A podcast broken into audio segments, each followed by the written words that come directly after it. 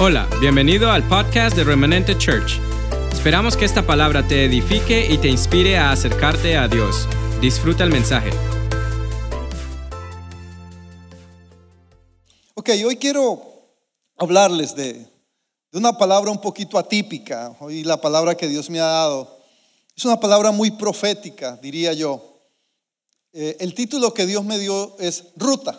Eso fue el- lo que Dios me habló. Esto es una ruta, me dijo el Señor. Y, Dios ha estado hablando de diferentes formas esta semana. Me han llamado dos, tres personas. Eh, de que Dios les ha hablado, les ha mostrado, han tenido sueños. Y, y normalmente yo soy muy delicado en eso, pero hay palabras que son contundentes y, y que, y que se alinean, se, se, se van enrutando dentro de lo que Dios está haciendo en medio de su iglesia, de lo que está eh, proponiéndonos, de lo que nos está llamando a hacer y hacer. Y cuando nosotros leemos Génesis en el principio, siempre Génesis para mí es muy, muy representativo. Génesis es, es un fundamento muy grande para lo, lo que Dios hace, ha hecho y seguirá haciendo. Y dice la palabra de Dios en Génesis capítulo 1, versículo 2. Dice, y la tierra estaba desordenada y vacía, y las tinieblas estaban sobre la faz del abismo, y el Espíritu de Dios se movía sobre la faz de las aguas. Y entonces, después de eso, de esa condición en que la tierra estaba, una, una, una condición de desesperanza, una condición de, de abandono, una condición de, de desorden, de vacío, de pronto Dios alza su voz, suelta su palabra y empieza a liberar el diseño que él había trazado para la tierra, para la creación. Y empieza a hacer que ese diseño empiece a, crearse, empiece a verse. Y cuando nosotros eh, miramos esta palabra, vemos cómo Dios trabaja en secuencias.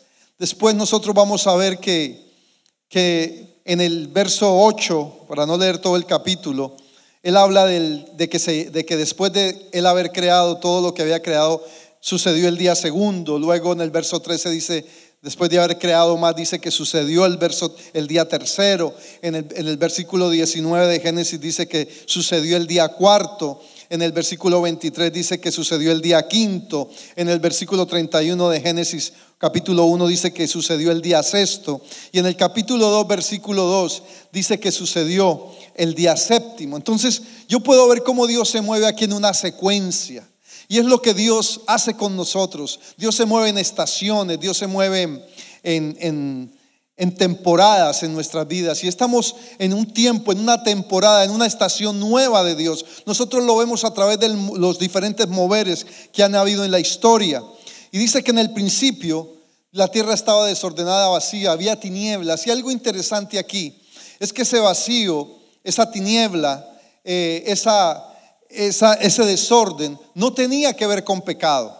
Ahí no estaba hablando porque el hombre no había sido creado. Si usted ve hasta Génesis 1.26, es que el hombre es creado. Realmente, entonces, ¿con qué tiene que ver este vacío? ¿Con qué tiene que ver este desorden? ¿Con qué tiene que ver esta tiniebla?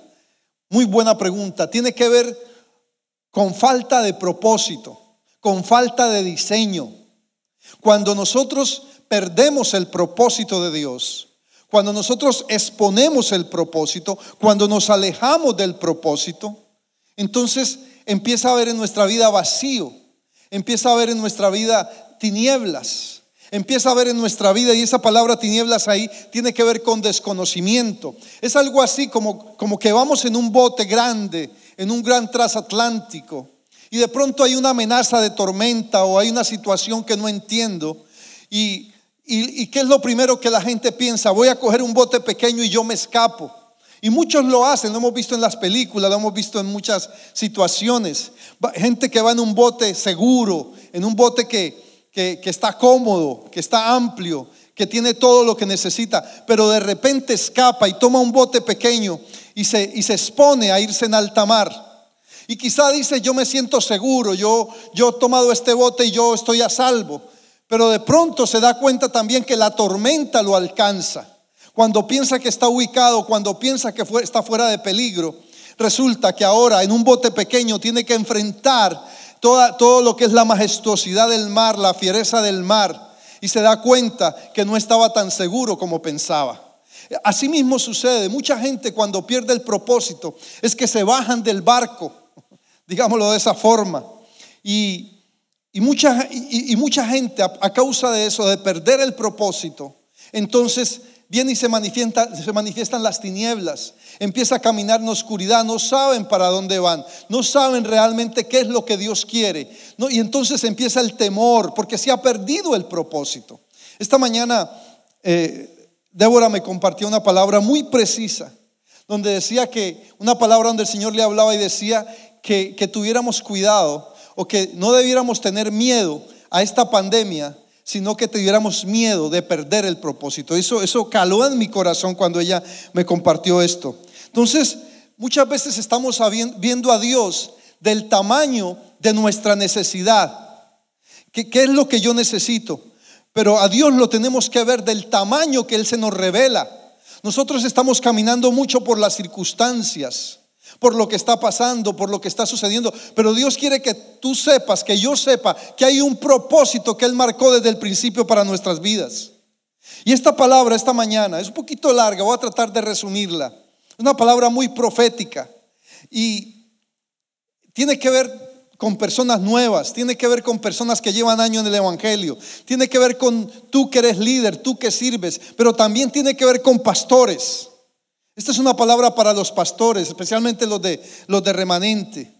Y de lo que debemos hacer, de lo que debemos dejar de hacer y de lo que hemos hecho mal.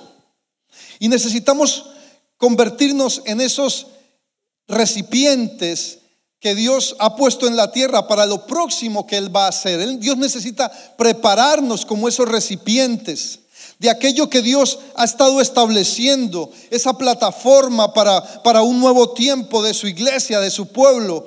Y, y Dios hace esto porque al que mucho se le da, mucho se le demanda. Dios nos ha dado suficiente, Dios nos ha dado bastante. Y es tiempo de que todo aquello que Dios ha depositado en nosotros sea demandado. Pero es necesario que rompamos, y voy a usar mucho esta palabra, nuestra agenda Hemos estado caminando por nuestra propia agenda, que nada tiene que ver con la agenda de Dios. Y escúchame esto, dentro de esa agenda a veces hacemos alianzas. A veces nos rompemos las alianzas con Dios, nos, nos, exponemos a, salirnos del pacto de Dios y, entramos en, en relaciones que han sido pactadas con ligaduras de alma, nos ligamos y nos salimos del propósito. Hay relaciones, hay alianzas que nos sacan del propósito de Dios. Y, nos, y son alianzas que han, han sido establecidas en comodidad, en, codependencia. Hay mucha codependencia a veces en esas alianzas que hacemos. Y, y obviamente no vemos ningún pecado, no vemos nada malo en ello, pero hay oscuridad en medio de ello hay vacío en medio de ello, hay desorden en medio de ello. Y era lo que veíamos. En el principio no había pecado, no era tinieblas en relación a, la iniquidad, era tinieblas en relación al desconocimiento, en relación a que no caminábamos, a, que no, la, la agenda de Dios no se había establecido. Y eso está pasando este tiempo. Hemos tomado nuestra propia agenda. Y como te decía, tinieblas aquí no tiene que ver con pecado, sino con desconocimiento. Desconocemos lo que Dios realmente quiere hacer en nuestra vida.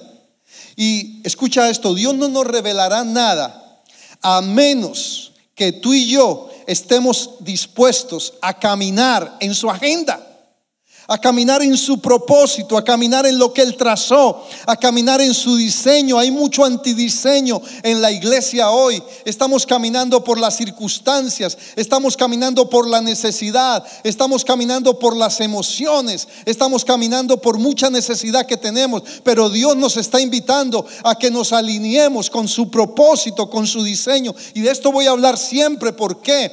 Porque Dios es Dios de propósitos. Todo lo que Dios hace en tu vida, por simple que sea, conlleva un propósito. Y Dios, vemos cómo Dios se mueve por ciclos, por, por estaciones, por secuencias. Y, y lo miramos de esta manera. Míralo en los moveres mismos que han habido, los que llevan muchos años. Por eso decía, esto es una palabra para nuevos, para antiguos, para líderes, para pastores. lo vemos, primero hubo una, una, una, una secuencia, hubo una, una estación que tuvo que ver con el mover pentecostal, que fue muy fuerte, pero se perdió. ¿Por qué? Porque se convirtió en un mover emocional. Dejamos que las emociones, en, en algo genuino que Dios nos había entregado, como fue el mover pentecostal en los años 70, fuese permeado por las emociones y empezó a perderse el sentido, el propósito. Y es una manera como las generaciones mismas se iban perdiendo en la antigüedad. Perdían el propósito, se perdía esa generación. Luego vino eh, lo que se ha llamado el movimiento carismático, que fue fuerte en los años 90, 80, 90, tocando los 2000, más bien finalizando los 90. Y ese mover carismático fue también afectado ¿por qué? Por el individualismo, por, el, por, el, por la independencia. ¿En qué sentido? Aunque Dios es un Dios individual con cada uno, muchos empezaron ministros, empezaron a levantar su nombre. Yo te lo digo porque yo lo viví, porque he visto todas esas etapas en mi vida cristiana. Y empezaron a levantar fue su propio nombre, tocando, tocando, escúchame, la gloria de Dios, queriendo robarle la gloria a Dios. No, no, tuvieron, no estuvieron centrados en la humildad que esto demandaba para que se mantuviera. Entonces, se, ese, ese, ese, mover carismático también se fue opacando hasta que llegaron los años 2000 y luego vino lo que es el movimiento apostólico y profético. Y lo que Dios ha buscado con este mover apostólico y profético, estoy hablando de ruta, es que lo profético nos muestre, nos baje los diseños de Dios y que lo apostólico nos revele a Dios como Padre, que podamos tener una relación con el Padre, establecer ese fundamento sobre el cual la iglesia sea edificada. Lo dice eh, Efesios capítulo 2 versículo 20, que la iglesia sea construida sobre el fundamento de lo apostólico y lo profético. Y esto es lo de los últimos tiempos, porque fue el fundamento que Dios puso para la iglesia. Amén. Entonces, necesitamos reconocer lo que es una verdadera manifestación de lo apostólico y lo profético. Siempre tiene que llevarnos a lo mismo, al, centro del diseño de Dios, al centro del propósito. A veces creemos que Dios tiene muchos moveres sobre la, sobre la tierra y no necesariamente. Dios tiene un solo mover porque tiene una sola iglesia. La iglesia de Dios para Él es una. Y nosotros todavía no hemos visto la verdadera manifestación de ese mover apostólico, de ese mover eh, profético, porque lo que hemos visto hasta ahora es gente queriendo implantar un título o un lugar. Pero vienen tiempos donde lo real, escúchame, están llegando esos tiempos que si nos alineamos con el propósito, con el diseño de Dios, lo real va a empezar a ser revelado de una manera clara. Pero necesitamos seguir la agenda de Dios. Hemos abandonado el barco, nos hemos expuesto montándonos en pequeños botes. Cada uno ha cogido su bote, está levantando, moviéndose en su propio bote, cuando Dios nos está invitando a su gran barco para que naveguemos con fuerza en alta mar, por decirlo de esa forma. Así que a causa de esto, los días más gloriosos en tu vida, en nuestra vida, en la vida de la iglesia, están por venir. Somos un cuerpo y aunque Dios obra individualmente en relación a la salvación, Dios no obra independientemente de la iglesia. Yo quiero dejar marcado esto en tu corazón, pastor, líder, servidor, miembro, hijo de Dios. Dios no obra independientemente de la iglesia. En el momento que tú empiezas a abrir tu, tienda aparte, te sale del propósito. Y mucha gente Perdóname que diga esto. Está levantando, eh, eh, hay una expresión que se usa, lo que llaman iglesias de garaje. Cogen dos, tres, cuatro, cinco, diez, veinte personas de una iglesia y van y levantan su garaje. Cogen el bote pequeño y se van y se exponen a alta mar, exponiendo vidas, sacándolas del propósito, sacándolas del diseño. Esto es fuerte. Pero yo te dije que te iba a hablar de lo que estamos haciendo mal, de lo que no debemos hacer y de lo que debemos hacer. No estoy siendo negativo, estoy es haciendo también una radiografía de lo que la iglesia a través de los siglos, a través de los tiempos, se ha expuesto. Y hemos retrasado el propósito. Hemos expuesto el propósito. Hemos retrasado el diseño. Por eso gente lleva años en el Evangelio y usted no ve cambios. Aunque son gente linda, gente que de corazón quiere, pero han sido víctimas de, diferentes circunstancias, han sido víctimas de la agenda de otros.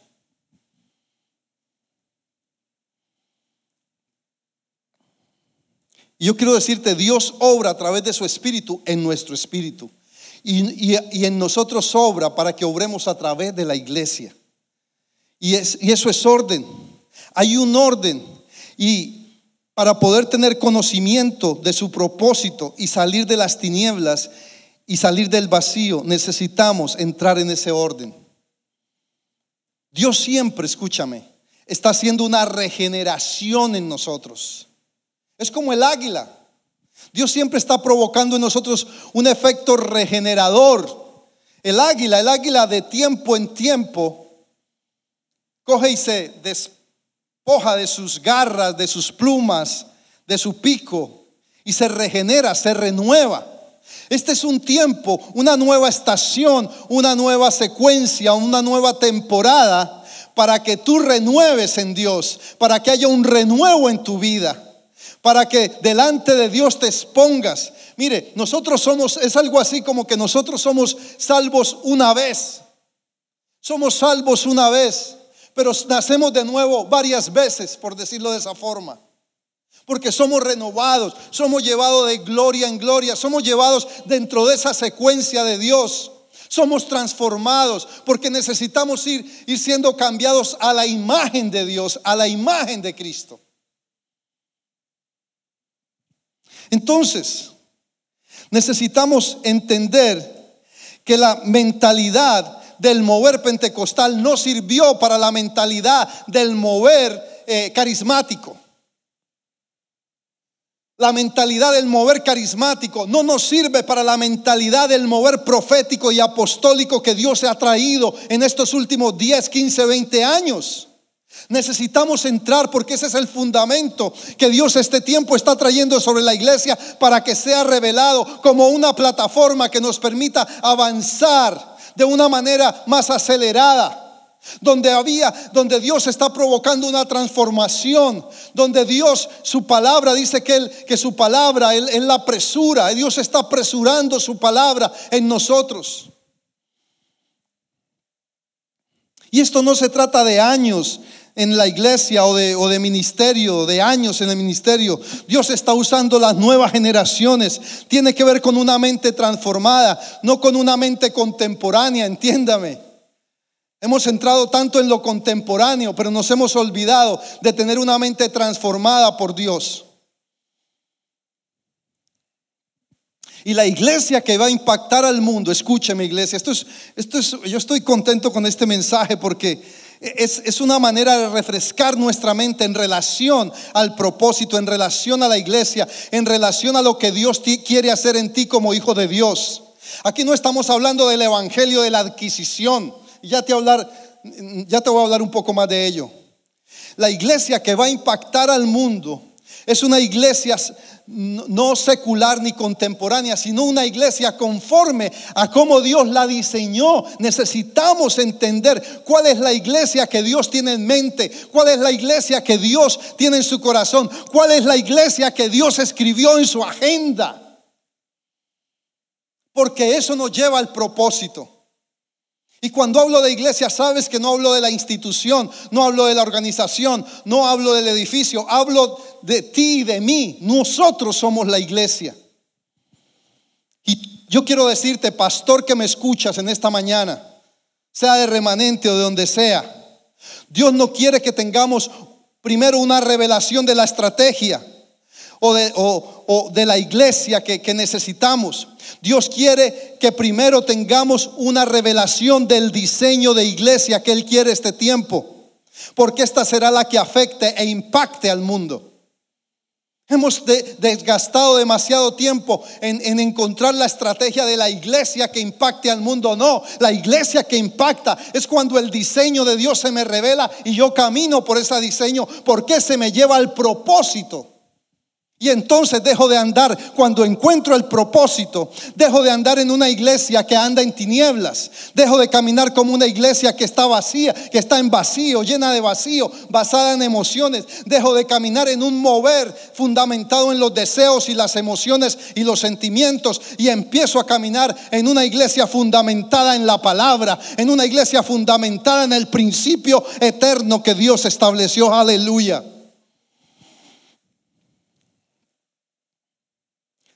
No tiene que ver ni siquiera con la herramienta virtual que estamos usando. No es lo que, no, no es, no, no impacta cuántos likes consigo, cuántas personas hay ahora en la transmisión. Impacta cuando la palabra, el contenido trae una transformación a las vidas. Eso es lo que debemos buscar, pero para ello necesitamos salir de esa condición de tinieblas, de esa condición de vacío, de esa condición de desorden. Necesitamos ordenar las ideas con la mente de Cristo. Y esto no es una estación de habilidad o destreza, sino que tiene que ver con entrar en esa dimensión del Espíritu de Dios, donde seamos sensibles de tal forma que sepamos cuándo construir y cuándo derribar, cuándo aprender y cuándo desaprender, cuándo recibir y cuándo rechazar. Amén. Porque el Espíritu nos guía a ello. Porque el Espíritu que está en ti, la naturaleza divina de Dios en ti, tiene el poder y la capacidad para provocar todo aquello que tú necesitas para este tiempo. Deja de estarlo buscando en el bote que se perdió en alta mar y encuéntralo en el bote donde Dios te montó. Aleluya.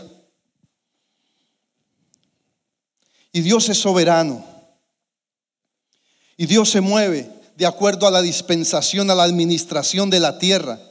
Dios no se mueve ni por nuestras intenciones, ni por nuestras habilidades, ni por nuestros conceptos, ni por nuestras posiciones, ni siquiera por nuestras opiniones.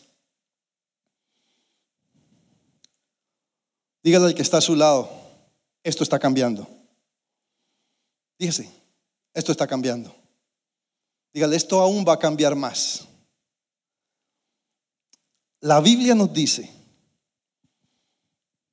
que la manifestación del reino de Dios viene a través del arrepentimiento. Y déjeme explicarle esto. Esto lo he dicho muchas veces. Pero ¿cómo encaja esto? Lo que tenemos que hacer. Necesitamos cambiar la dirección. Escúcheme, yo he visto la iglesia del Señor disfrutar de los beneficios de Dios como Israel, pero caminando en la dirección incorrecta. Y muchas veces nos, simplemente nos quedamos en, yo no estoy pecando. Pues no había pecado al principio tampoco. El hombre no había sido creado, pero aún así había tinieblas, había desorden, había vacío. Y es posible que tú sientas que no estás pecando, pero si no estás dentro del propósito, estás en tinieblas. Estás en desconocimiento de lo que Dios quiere. Estás yendo por la ruta equivocada, pero cuando viene el reino, cuando el reino se manifiesta, y no tiene que ver con estrategias y no tiene que ver con alcance, tiene que ver con una dirección correcta. El reino tiene que ver con que tú y yo nos alineemos con la dirección correcta y que cuando entramos cambiamos de dirección y entramos en la dirección correcta. Lo que empieza a suceder es que lo segundo es que me convierto a aquello que Dios me entrega en esa dirección. Necesitamos convertirnos al propósito de Dios. Necesitamos entrar en aquello que Dios marcó, en esa ruta que Dios ha direccionado para nosotros, ha alineado para ti, para mí. Y entonces tú verás que tu vida da fruto. ¿Por qué? Porque tiene propósito.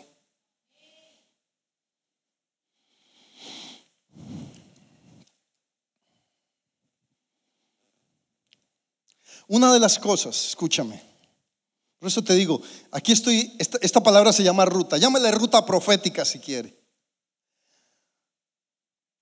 Pero una de las cosas que he visto a través de los años en la vida de la iglesia es como nos atravesamos en los planes de Dios y creamos nuestra propia agenda. E, e, eso suena como si Dios se opusiera a su propia iglesia. A veces hemos, hecho ver a Dios como que se está oponiendo a su propia iglesia porque me creo la última Coca-Cola del desierto. Y entonces de repente Dios me habló y empiezo a cambiar los planes de Dios. Y lo que te trato de decir es que no dejes que tu agenda se oponga al reino, sino que te alinees con la agenda del reino, la agenda de su iglesia, la agenda de Dios. Escucha esto. Cuando Israel estaba iba a la tierra de Canaán, ellos no entraron, ¿por qué? Porque se opusieron entre sí, se opusieron a Dios. Se opusieron todo el tiempo al plan de Dios. No se oponían a Josué, no se estaban oponiendo a Moisés, se estaban oponiendo al plan, al propósito que Dios había marcado para ellos. Estaban tratando de cambiar la agenda de Dios y por eso no entraron. También le pasó a José con sus hermanos. Sus hermanos se opusieron a lo que Dios quería hacer en José y lo que estaban haciendo era oponerse a, Dios, no a José. Y así lo vemos sucesivamente en muchas historias de la Biblia. Cómo gente se ha opuesto al plan de Dios, cómo gente se ha opuesto al propósito de Dios. Y yo lo he visto a través de los años, que nos atravesamos en medio del propósito, del plan, del diseño de Dios y retrasamos lo que Dios ha querido hacer a través de los siglos. Esto no es el diablo, esto no es la gente de afuera, esto no es el mundo, esto somos la iglesia que nos hemos opuesto entre sí. ¿Y qué debemos hacer? Es tiempo de humillarnos, de humillar nuestros planes delante de Dios. Humilla tu agenda. Humilla esa decisión que has tomado o que estás a punto de tomar, cualquiera que sea, pero no cometas el error de oponerte a Dios. No te le atravieses en el camino a Dios. Hay mucha gente que, que, me dice una frase que se usaba mucho en lo cristiano. No, pues yo llevo 20 años en el camino, pues quítese de medio. Ese ha sido el problema que nos hemos atravesado en el camino. Y esto que voy a decir aquí es para los adultos. Yo le dije que le iba a hablar a los nuevos, a los antiguos, a los líderes, a los servidores, a los pastores, a los adultos, a los jóvenes. Es tiempo, escúchame, tú que eres adulto, de pensar en esa nueva generación y que la rodeemos de que lo que has estado tratando por años y no lograste, ok, coge tu potencial y úsalo en favor de la nueva generación. Hay algo fuerte que quiero decir. Dios me ha hablado, me ha estado hablando este tiempo y me he resistido a eso un poco porque es fuerte. Dios me llevó a muchos pasajes en la Biblia donde se perdieron muchas generaciones. Y eso sigue sucediendo.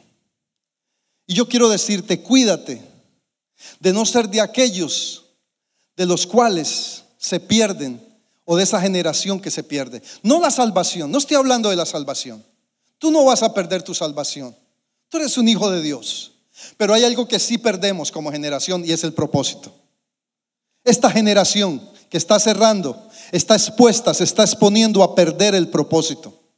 ¿Me está entendiendo? Yo no estoy hablando, no vaya a decir después, ay, el pastor dijo que nosotros somos una generación perdida. No, espérate, la salvación no, pero sí el propósito. Y en eso hay muchas generaciones que se han perdido. Pero ¿qué podemos hacer? Lo mejor es que rodeemos esta nueva generación, que toda esa fuerza y así nos mantenemos en el propósito, porque mantenemos legado, porque mantenemos herencia. Pidámosle a Dios que nos alimente hoy con el pan de los cielos y nos traiga una revelación fresca para este tiempo, para esta nueva generación. Y que salgamos, escúchame, es tiempo de que salgamos de ese eh, evangelio de la adquisición. ¿Qué estoy queriendo decir? Que si quiero amor, necesito adquirirlo. Que si quiero paz, necesito adquirirla. Que si quiero misericordia, necesito adquirirla. No, hay una naturaleza de Dios en tu vida para que tú provoques todo lo que Dios necesita hacer en ti y en mí. Necesita provocarlo, no que lo estemos adquiriendo. Hemos vivido en un evangelio de la adquisición, de adquirir todo. Pero no nos hemos dispuesto a provocar. Y este es un tiempo, esta es una estación de Dios donde lo apostólico y lo profético ha sido puesto como una plataforma para que tú y yo podamos provocar lo que la iglesia necesita hacer en medio de la tierra. Ruta.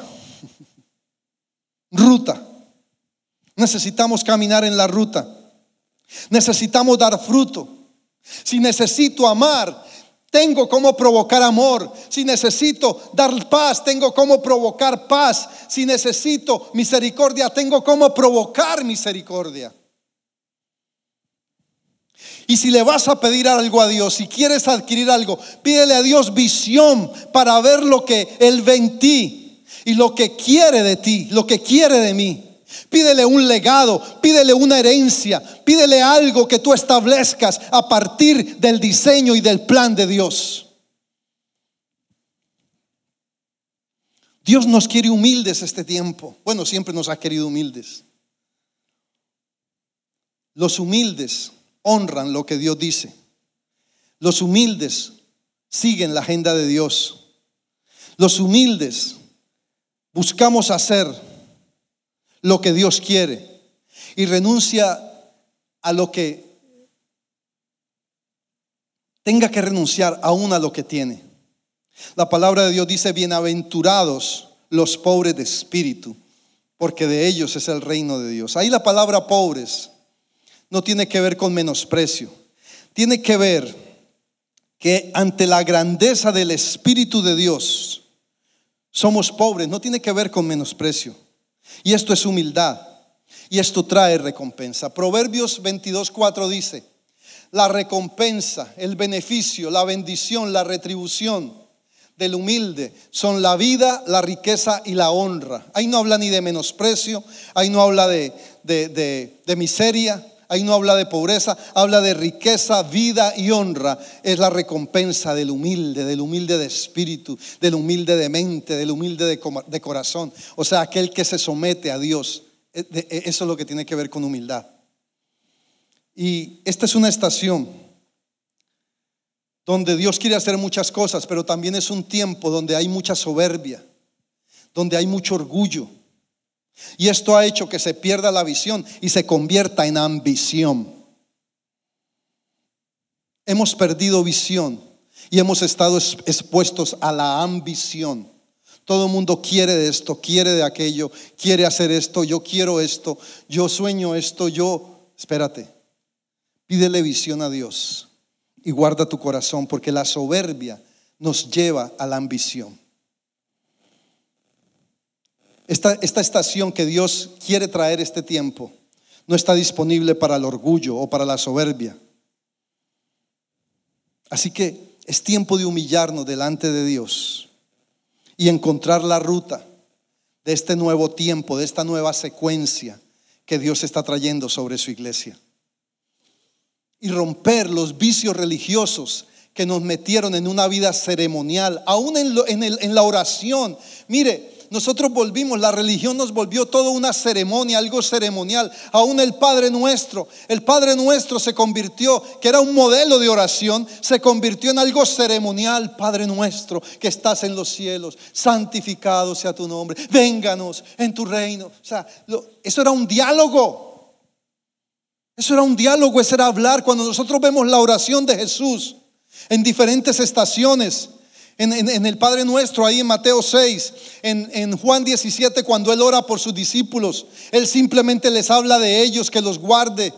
Cuando Él ora en el Hexemaní, Jesús le expresa su situación. Cuando la Biblia habla en todo el Evangelio de Juan de la relación, del tiempo que compartía eh, eh, Jesús con el Padre, era un tiempo de comunión, de diálogo, no era una ceremonia. Usted no verá a Jesús acercándose, Padre de eterna misericordia Tú que estás en los cielos y yo en la tierra. No, el Padre estaba ahí escuchándolo. Yo sé que tú quieres que yo muera, pero yo tengo miedo de morir. Si hubiera ya en el cielo, en lo más recóndito de tu corazón, la voluntad de que pasara de mí esta copa. No, Jesús no estaba orando así. Jesús estaba hablando con el Padre.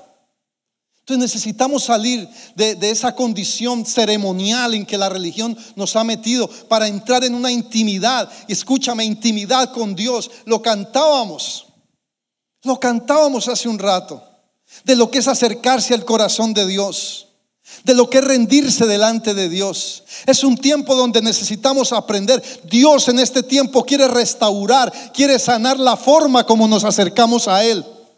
Quiere que nos acerquemos libremente como hijos. Es el tiempo de los hijos, es la estación de los hijos, es la temporada de los hijos, es la secuencia de los hijos. Estamos en tiempos donde no, puede, no podemos depender de una palabra motivacional, sino que Dios está trayendo la palabra que se encarna, que se activa, que activa la gloria de Dios en nuestra vida.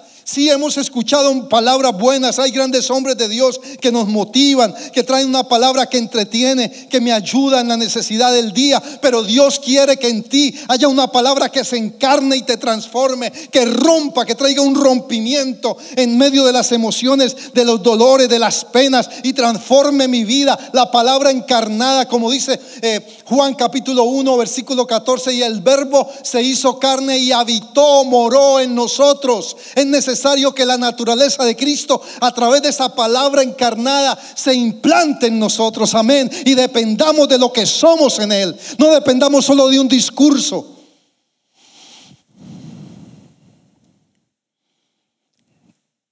Cuando leo esa palabra habitar, que en el griego es la palabra eskenú o eskenó, habla de acampar habla de, que nos ocupó, nos, se, se implantó en nosotros, habla de que somos su tabernáculo.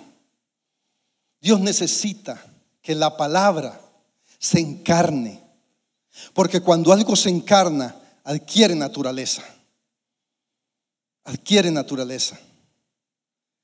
Y lo que va a pasar, escúcheme, estos tiempos, esta nueva temporada, es que va a haber una abundancia de la palabra revelada, donde literalmente tendremos hambre de escuchar la palabra. Mire lo que dice Amós. No he leído mucha Biblia hoy, pero sabes que siempre me voy guiando por la palabra. Lo que dice Amós capítulo 8, versículo 11. Ay, se me perdió. Aquí lo voy a encontrar. Amos, quiero, quiero leer este, este pasaje. Amos, aleluya Señor, bendigo tu nombre, Padre.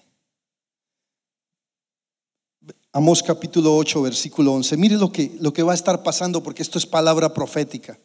Dice, he aquí vienen días, dice el Señor, en los cuales enviaré hambre a la tierra, no hambre de pan, ni de sed, de agua, sino hambre de oír la palabra del Señor. Este es un tiempo donde tú y yo necesitamos tomar esa hambre que el Espíritu está trayendo a nuestras vidas para que comamos de esa palabra. Ezequiel capítulo 3, versículo 1, mira lo que dice, también quiero leerlo. Ezequiel capítulo 3, versículo 1. Y me dijo, hijo de hombre, come lo que hayas, come este rollo, sea la palabra. Y ve y habla a la casa de Israel. Y dice, y abrí mi boca y me hice y me hizo comer aquel rollo. Y me dijo, hijo de hombre, alimenta tu vientre y llena tus entrañas de este rollo que yo te doy.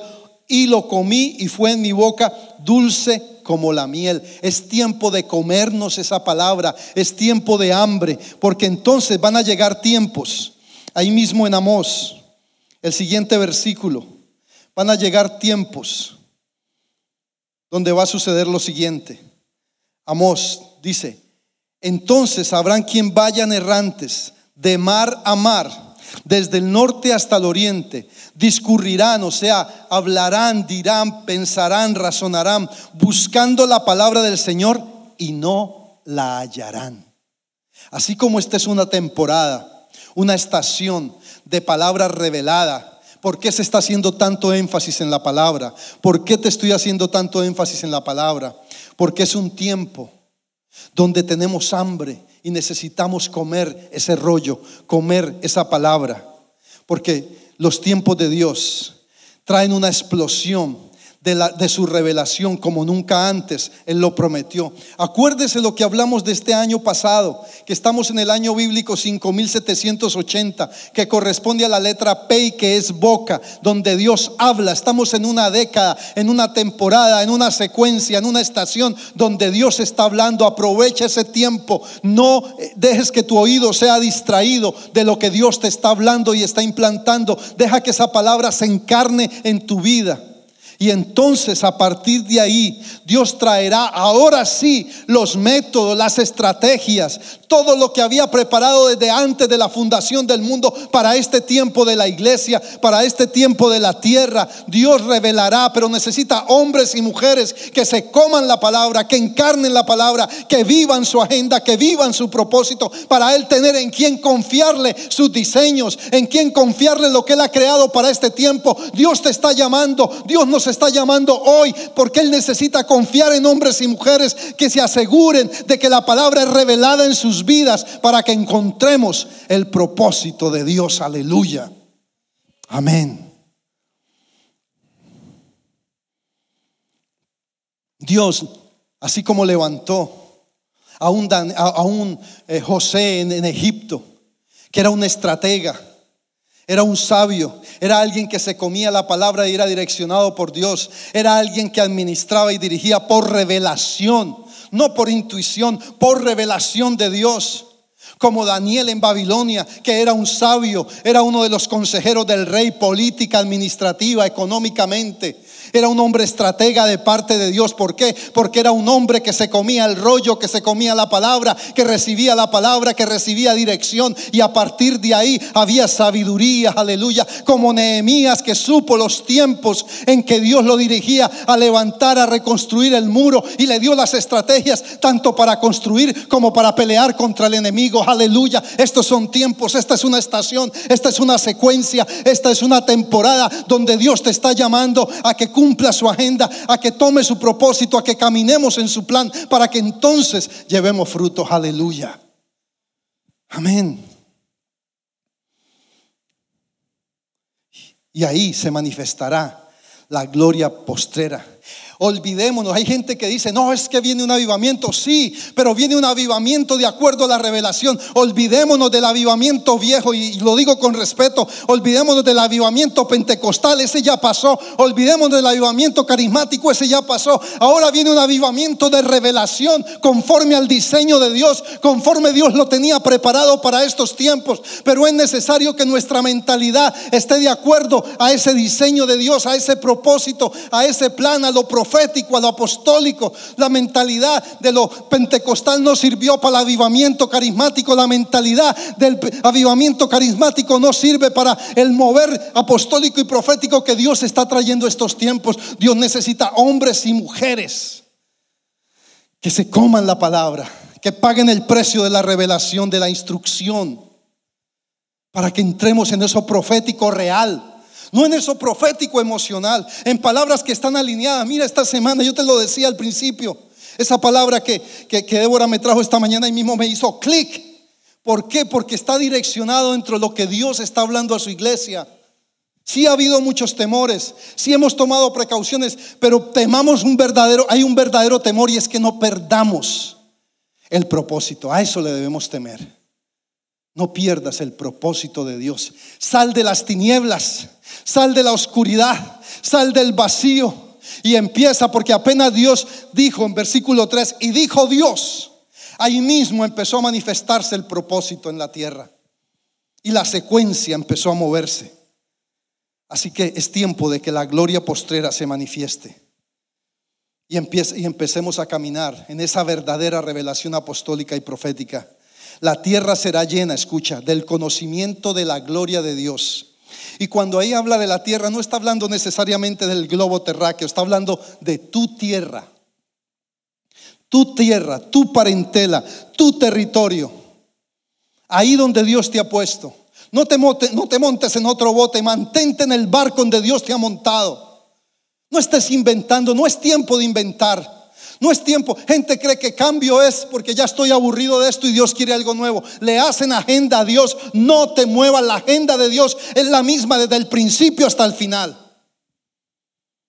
Nosotros la hemos tratado de reescribir. La pregunta es, ¿estamos listos? ¿Estamos listos? Vamos a decirle esta mañana al Señor, Señor, yo estoy listo para caminar en esa ruta profética que tú me marcas. Yo estoy listo para caminar en tu plan. Yo estoy listo para caminar en tu propósito. Yo estoy listo para caminar en tu secuencia. Aleluya. Y esta mañana vamos a disfrutar de la, de la cena del Señor. Vamos a celebrar con Él. Quiero invitar la alabanza.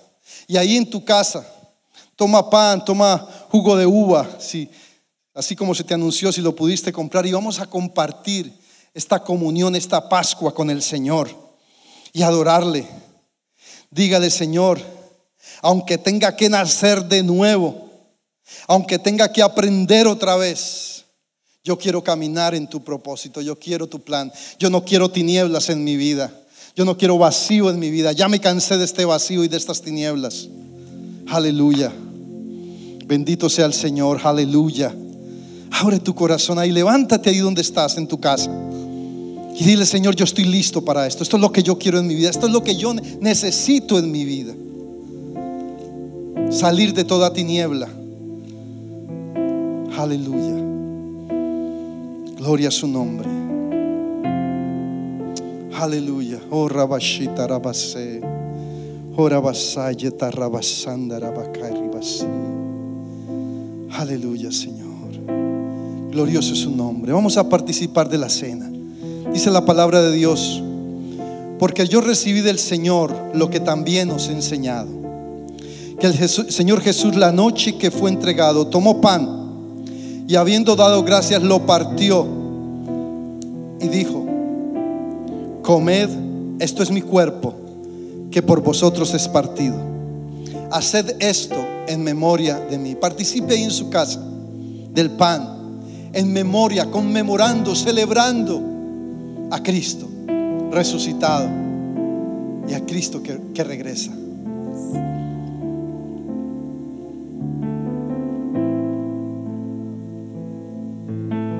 Aleluya, Señor, te adoramos. Bendito sea tu nombre, Señor. Dice que asimismo tomó también la copa después de haber cenado diciendo, esta copa es el nuevo pacto en mi sangre. Hacer esto todas las veces que la bebieres en memoria de mí. Aleluya, participemos del vino. Celebramos, Señor. Celebramos, Dios. Celebramos delante de ti, Señor, en adoración. Hoy te decimos, estamos listos, Señor, para esta nueva temporada para esta nueva estación, para esta nueva secuencia. Aleluya. Bendito eres, Señor. Esperamos que este mensaje haya sido de bendición. No te olvides de suscribirte a nuestro podcast y seguirnos en Facebook e Instagram arroba remanente church.